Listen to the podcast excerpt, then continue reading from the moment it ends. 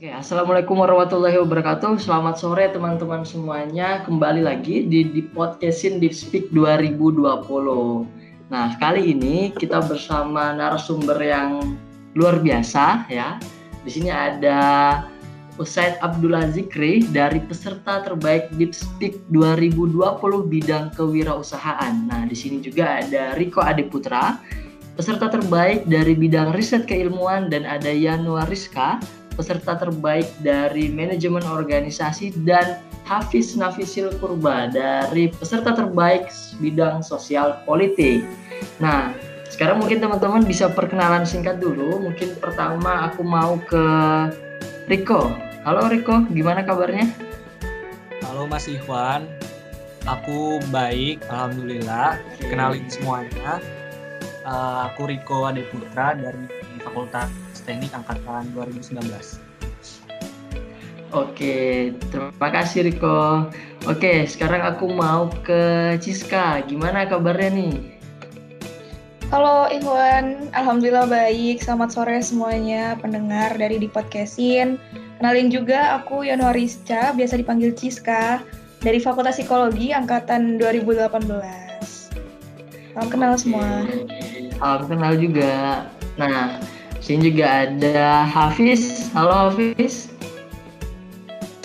Halo Ivan, uh, perkenalkan nama aku Muhammad Hafiz Kuda, biasa dipanggil Hafiz dari uh, Fakultas Kesehatan Masyarakat Undip Angkatan 2019. Salam kenal.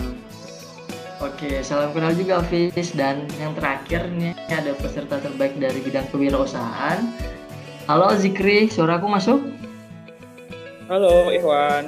Oke. Okay. Uh, sore buat kawan-kawan pendengar di podcasting di podcast Lipstick 2020.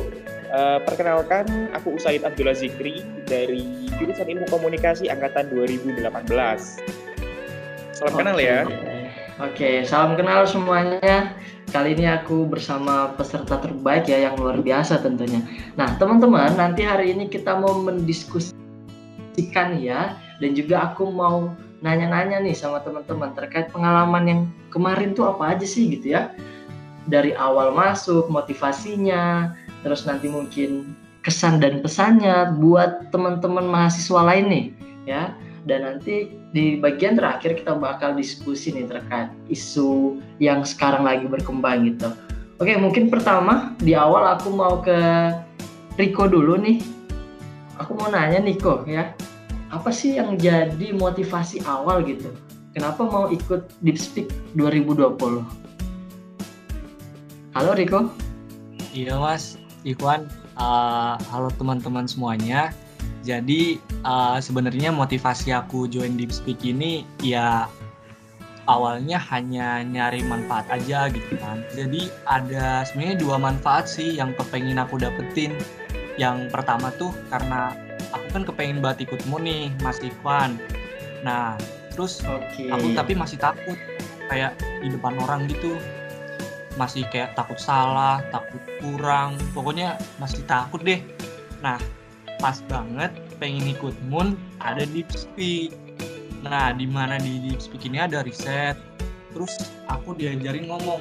Pas banget juga mentor aku tuh Mbak Esther. Jadi okay, itu tuh yeah. apa ya motivasi kedua aku karena mentornya tuh Mbak Esther jadi ya sebenarnya jangan ditirunya karena setelah diterima tuh Mbak Esther juga ngingetin kalau di deep speak itu sebenarnya motivasi yang harus dijunjung tuh bukan kayak kita nyari manfaat tapi justru kita memberi manfaat nah itu tuh oke deh siap siap. Keren banget ya. Yang penting kita memberi manfaat gitu ya kok ya Nah, aku mau dengar lagi nih ke yang lain. Coba ke Hafiz nih, Fis. Kira-kira apa sih yang jadi motivasi kamu buat ikut Deep Speak ini? Oke, nah uh, mungkin kalau dari aku sendiri ya, uh, kan aku tuh orangnya tuh gimana ya, sering banget jadi uh, uh, MC gitu, terus juga jadi sering jadi moderator gitu. Jadi ya istilahnya uh, aku tuh uh, public speaking itu uh, orangnya cuman untuk masalah menjadi seorang pembicara itu aku belum pernah gitu kan nah, bagaimana mungkin aku ke depannya nanti kalau misalnya uh, ingin menyebarkan uh, pengetahuan atau wawasan yang aku punya nah aku butuh uh, latihan gitu kan nah di yeah. Iya. ini aku malah uh, bisa gitu uh, menemukan bagaimana aku cara nanti bisa menjadi seorang bicara gitu karena uh, di sini sangat bermanfaat banget gitu untuk menjadi uh, seorang bicara itu trainer. Dan juga untuk uh, milih bidang sospol sendiri kan ya.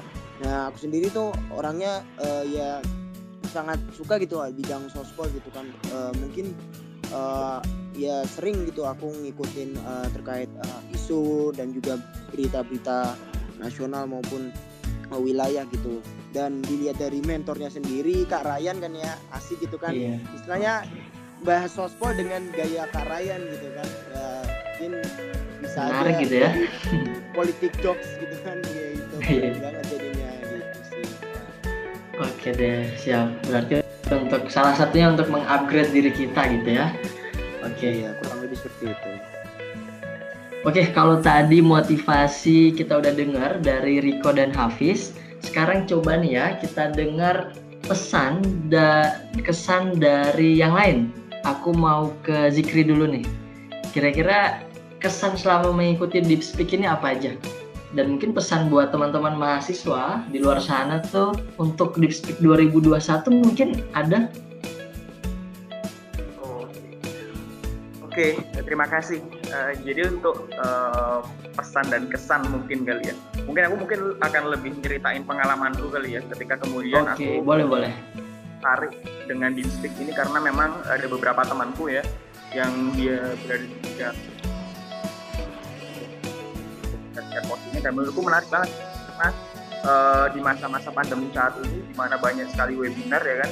Itu kan akan pembicara kemudian akan orang uh, eh, MC moderator itu banyak banget.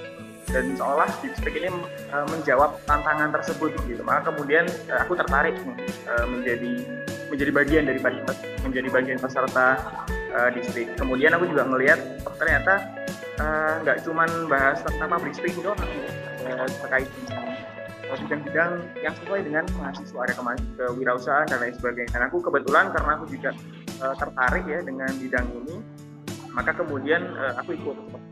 Itu awal mulanya. Terus kemudian uh, dalam keberjalanannya ternyata seru banget nih uh, karena kita dibagi menjadi dua kelas ya secara umum ya kelas khusus dan kelas umum kelas umum kita belajar banyak tentang public speaking nggak cuman dari uh, kalangan yang paham tentang apa itu public speaking tapi juga langsung dari uh, apa ya istilahnya ya, orang yang mempraktekkan langsung gitu seorang penyiar kemudian seorang uh, pelatih public dan dia benar-benar menguasai uh, materi ya. tidak hanya menguasai materi dia juga ngasih contoh kepada kita gimana kita berpublic speaking, gimana kita bikin presentasi, apa itu teknik blogging dan lain sebagainya gitu. Itu untuk yang teknik public, public speaking seperti itu.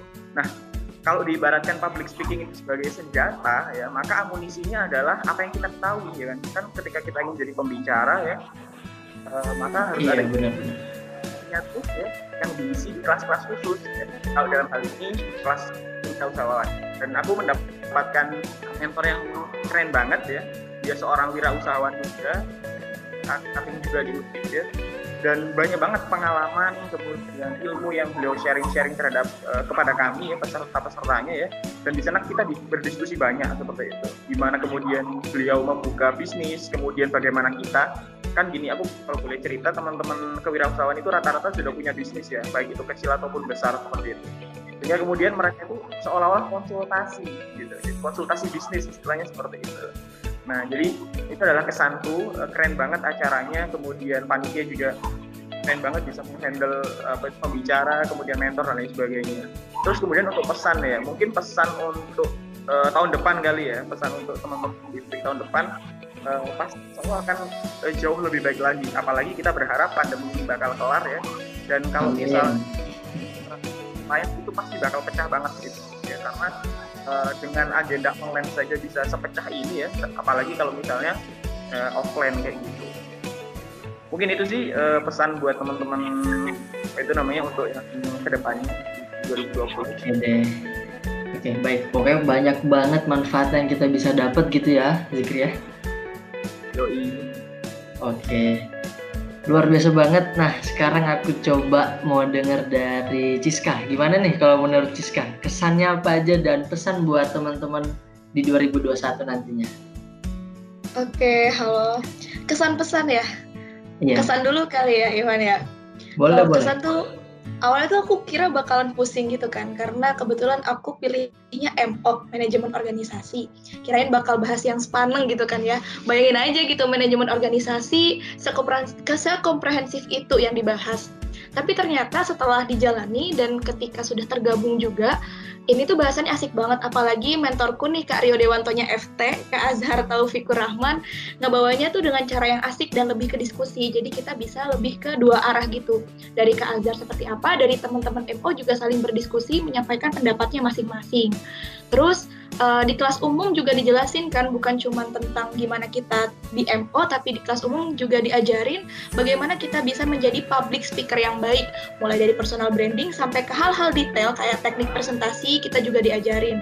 Dan aku nyatakan aku tidak punya perasaan menyesal sama sekali bisa tergabung dan jadi bagian dari Deep Speak 2020 pesannya uh, semoga kalau misalkan ada lagi nih tahun depan dan harus ada lagi semoga mentoringnya bisa offline nih ya berharap sih ini karena ini tergantung keadaan juga karena menurut aku ini benar-benar jadi salah satu wadah buat kita mahasiswa undip untuk mengembangkan diri menambah insight juga di bidang yang diminatinya masing-masing.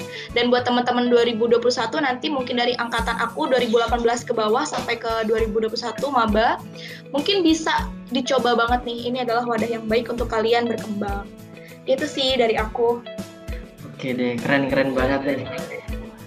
Oke, uh, luar biasa banget jawaban dari keempat peserta terbaik kita ya. Sekarang ada satu pembahasan nih teman-teman. Kalau tadi kalian udah ngobrolin tentang motivasi masuk, terus sampai kesan dan pesan ya.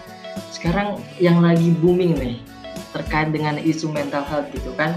Lagi ada pandemi, semua orang terbatas untuk keluar gitu ya. Tapi tetap dituntut untuk menjalankan aktivitas gitu dengan berbagai tekanan mungkin ya dari pekerjaan, tugas kuliah, organisasi. Nah, mungkin banyak orang di luar sana yang tidak dapat mengelola dirinya sendiri gitu. Akhirnya jadi jatuh, stres, frustasi dan bisa sakit gitu. Nah, kalau teman-teman nih menanggapi terkait isu mental health yang lagi berkembang saat ini, mungkin aku mau ke Hafiz dulu deh. Kalau menurut Hafiz kira-kira gimana nih Hafiz? Di kondisi saat ini mental health terus mungkin bisa disemangatin nih teman-teman yang di luar sana yang lagi frustasi, lagi stres tapi di satu posisi kalian bisa nih tetap berikan yang terbaik dan ikut kegiatan dan tetap produktif. Gimana Fis kira-kira nih?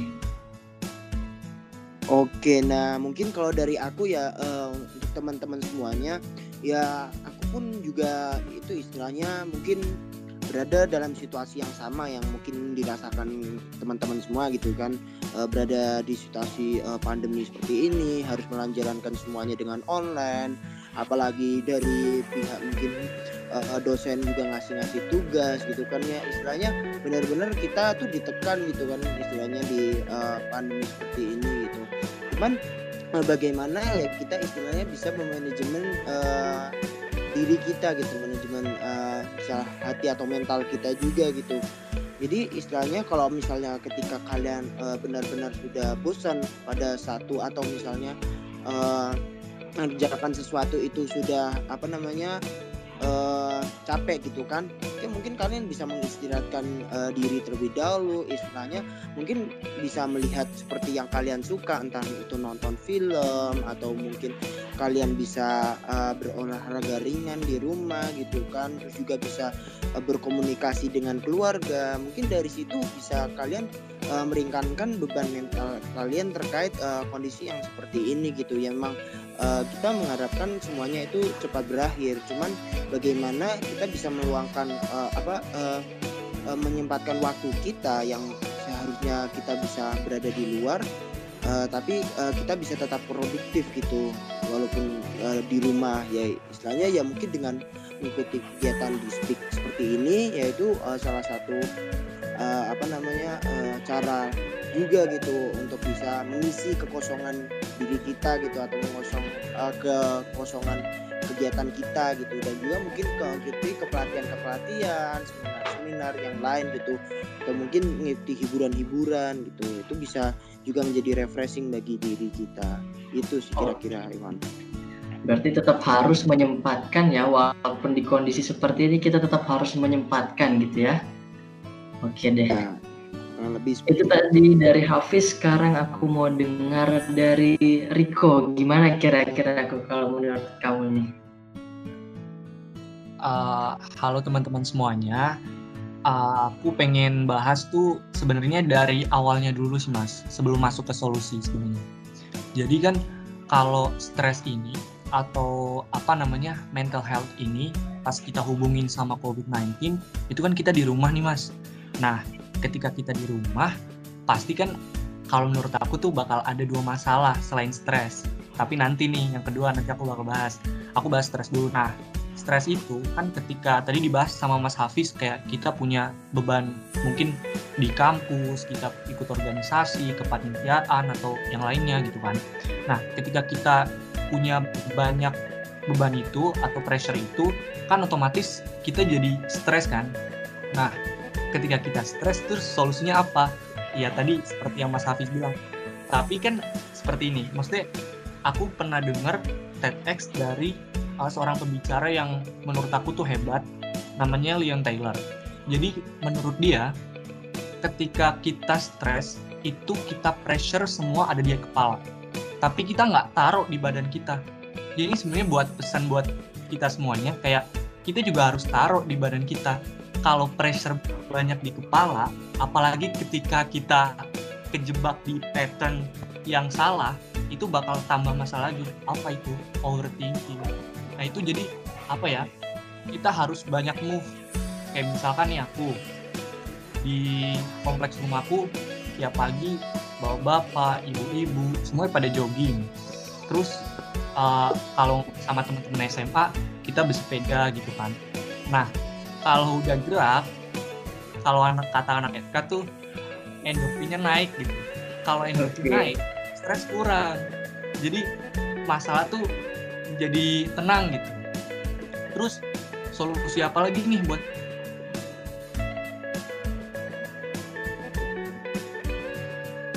yang adalah nerima.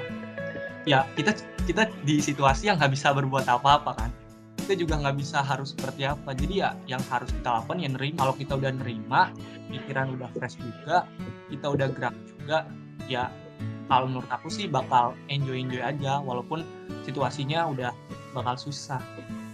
Gitu sih mas. Kalau untuk stresnya pasti aku boleh bahas satu lagi nggak mas? Kalau selain dampak oke okay, boleh boleh. Oke. Okay uh, jadi kan karena tadi untuk mahasiswa yang sibuk nih yang aku punya kegiatan A, B, C, D dan lain sebagainya. Tapi ada juga kan mahasiswa yang gabut kan yang dengan uh, pandemi begini malah jadi gabut-gabutan nih. Banyak scroll HP sekarang kan lagi booming banget nih TikTok Instagram dan lain sebagainya kan. Semakin kita scroll nih lihat orang waduh kayaknya ini orang enak banget ya hidupnya gitu kan. Kayak iya. gak ada beban gitu jalan-jalan ke luar negeri, makan makan enak, punya barang-barang mewah, makin scroll lagi, wah ini kalau cewek nih biasanya, wah mulus banget nih gitu, wah kayaknya skincare-nya apa nih gitu kan, makin deh insecure, nah itu tuh, jadi selain stres tadi ada lagi namanya insecure, jadi uh, apa ya, kalau menurut aku selain ke stres pasti ada mental health lain yaitu insecure tadi. Nah untuk aku, aku sebenarnya nggak apa expert banget sih di apa namanya insecure. Tapi kemarin sempat disinggung juga kalau insecure tuh sebenarnya solusinya adalah punya target harian. Nah jadi dengan ikut deep speak ini aku pengen jadi pembicara yang hebat misalkan aku tentang riset.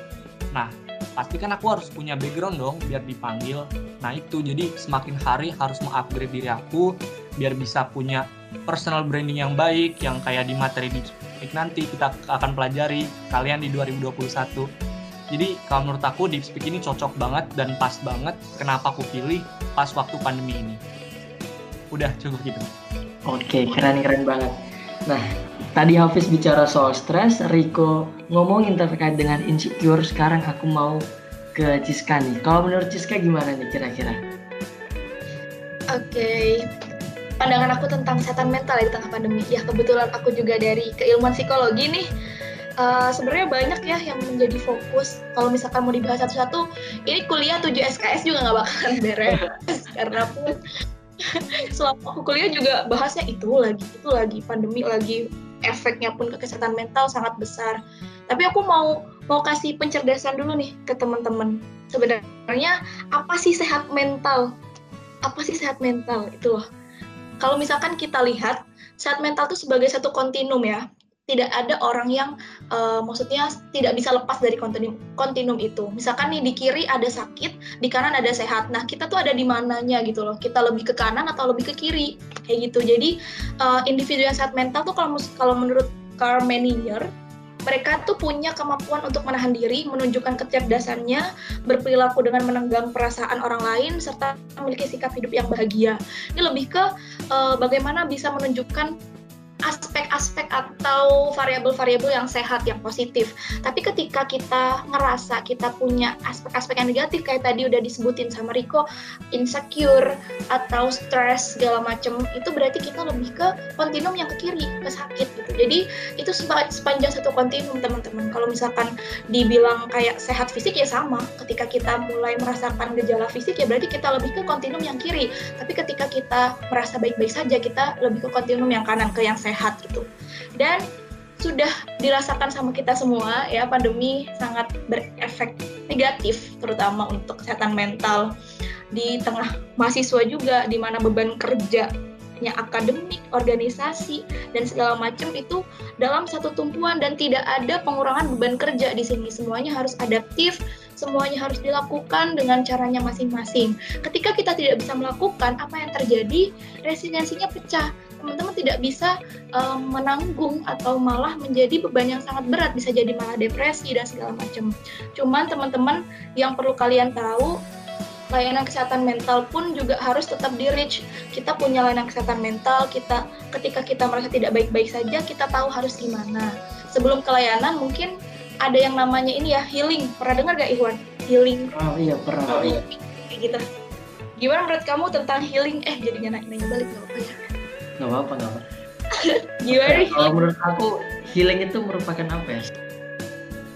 Salah satu yang penting juga sih ya untuk misalnya Setuju. dulu waktu kebetulan aku dari Palu gitu ya. Jadi waktu ada bencana gitu itu healing itu yang coba diterapkan kepada anak-anak uh, yang terkena korban, yang jadi korban gitu ya, itu salah satu yang penting sebenarnya untuk mereka bisa lagi merefleksi, merefleksikan ya agar bisa berkegiatan normal lagi kayak gitu setuju banget. Uh, Sebenarnya healing juga bisa dilakukan sama diri sendiri ya. Ada yang namanya coping stress teman-teman. Jadi coping stress itu bagaimana cara kita rilis atau healing dari stres yang kita lakukan. Dan jangan sampai kita milih coping stress yang salah. Kita sesuaiin sama diri kita sendiri. Ada yang namanya emotional focus coping stress di emo, fokus di emosi dulu dan ada juga yang problem fokus jadi misalnya nih kita lagi stres uh, kalau aku ya aku tipe orang yang lebih ke emotional focus coping. Jadi ketika aku stres aku mungkin bakalan beli es krim untuk meredakan moodku yang jelek atau aku bisa jalan-jalan ya lebih ke emosinya dulu gitu loh yang diredakan. Tapi ada juga orang-orang yang ketika stres ih gila nih banyak banget uh, tugas banyak banget kerjaan di organisasi tapi mereka harus healingnya pakai cara gini. Mereka bikin list mereka kerjain dulu baru mereka bisa santai lagi gitu. Jadi kayak orang-orang tipenya beda-beda. Dan tadi juga udah disebutin ya tentang hormon endorfin. Aku setuju banget tuh. Jadi emang kalau misalkan di kesehatan tuh ketika kita memang dalam keadaan yang uh, tertekan kayak gini, jangan sampai kita menutup diri untuk tidak ngapa-ngapain. Teruslah beraktivitas karena ketika kita melakukan aktivitas fisik, fisik itu bisa membantu tubuh untuk memproduksi hormon endorfin. Hormon ini tuh bisa meredakan stres dan memperbaiki mood. Jadi kayak bagaimana kita bisa memunculkan itu semua ya jangan sampai kita demo teman-teman demotivation. Kita harus tetap beraktivitas dan kita harus bisa jadi orang yang adaptif dengan lingkungan. Jangan mau kalah sama keadaan. Bisa yuk, semangat!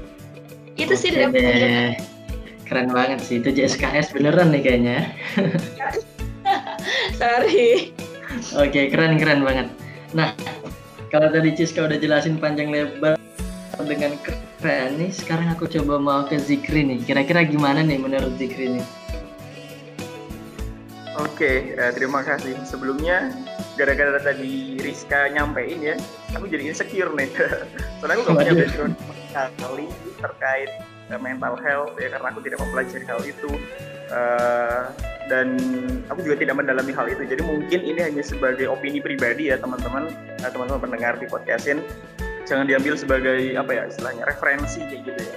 Kalau ngomongin tentang pandemi dan uh, mental health ya. Sebenarnya sebelum pandemi pun uh, awareness apa kepedulian kita terhadap yang namanya mental health itu makin berkembang di Indonesia kayak gitu kan. Dan kemudian dengan adanya pandemi ini ya, ketika kemudian semua orang ngerasain hal yang sama, ketika kita nggak bisa keluar rumah, nggak bisa bepergian, bergerak bebas, bahkan untuk bertemu orang tua di kampung halaman kita sangat kesulitan. Maka kemudian kita berada, berada di suatu fase yang tertekan, ya kita berada di fase ketidakpastian karena kita nggak tahu nih kita harus berada di uh, istilahnya survival mode ya istilahnya kita nggak bisa uh, ngapa-ngapain nih kita harus bertahan uh, selama kapan pun kita nggak tahu nih seperti itu. Nah itu sangat rawan sekali apalagi ketika kemudian kita punya masalah-masalah yang belum kelar ketika uh, pandemi ini belum ada gitu. Jadi ibaratnya kita pasti kan punya masalah nih sebelum pandemi. Entah masalah uh, di mahasiswa di akademik masalah di organisasi masalah dengan diri kita sendiri bahkan mungkin masalah keluarga dan lain sebagainya. Dan ketika ada pandemi, bukannya malah masalah-masalah itu hilang, masalah itu bertambah, ditindih lagi dengan pandemi.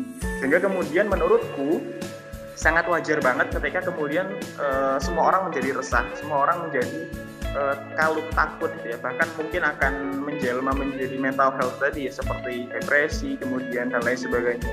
Tapi mungkin uh, fokusku adalah lebih ke untuk agar kita tetap waras ya bisa dikatakan ya. Agar kita tetap waras di masa pandemi ini ya. Dan meminimalisir uh, terjadinya mental health. Uh, sebenarnya mungkin ya ini sekali lagi ini pengalaman bukan pengalaman ya. Maksudnya ini uh, preferensi pribadiku ya jangan dijadikan sebagai dasar. Hmm, bahwa yang memiliki kontrol atas diri kita yang memiliki kontrol atas pikiran kita itu adalah diri kita. Jadi uh, segimana gede ap, segede apa pun masalah kita ya kita yang memilih kontrol untuk kemudian menanggapi masalah tersebut.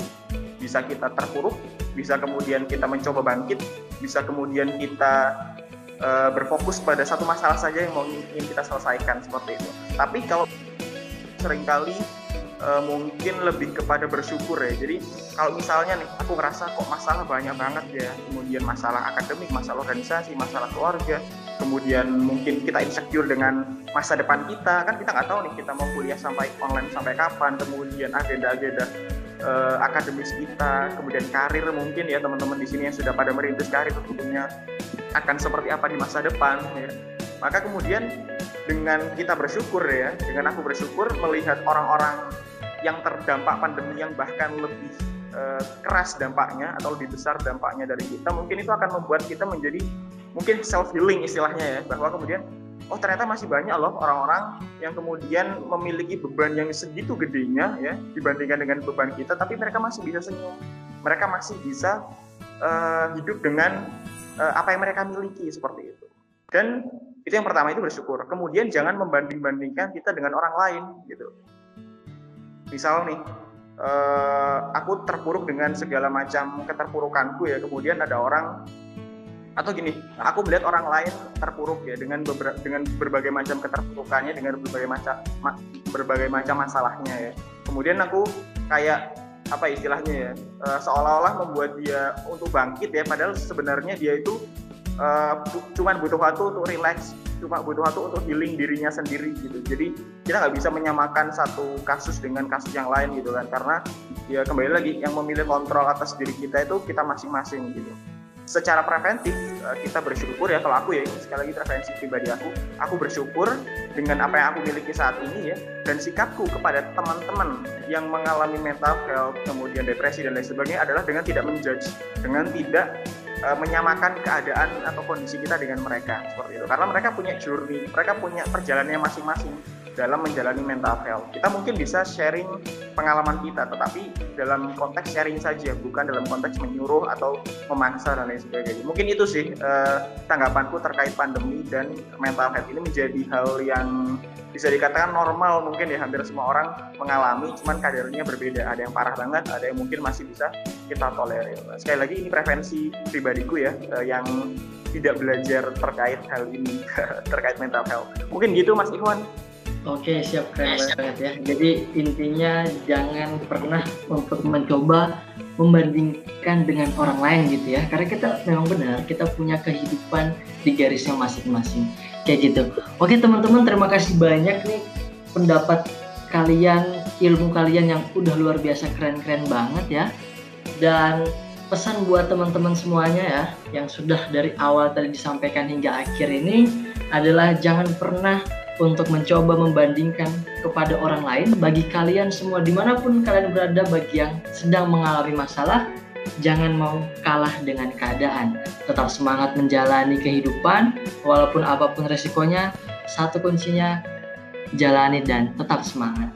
Oke, terima kasih untuk para narasumber kita sore hari ini di, podcastin yang keren-keren banget. Semoga ilmunya tetap bisa terus dibagi ya ke teman-teman semuanya. Dan buat teman-teman semuanya kita akhiri. Selamat sore sampai jumpa di podcastin 2021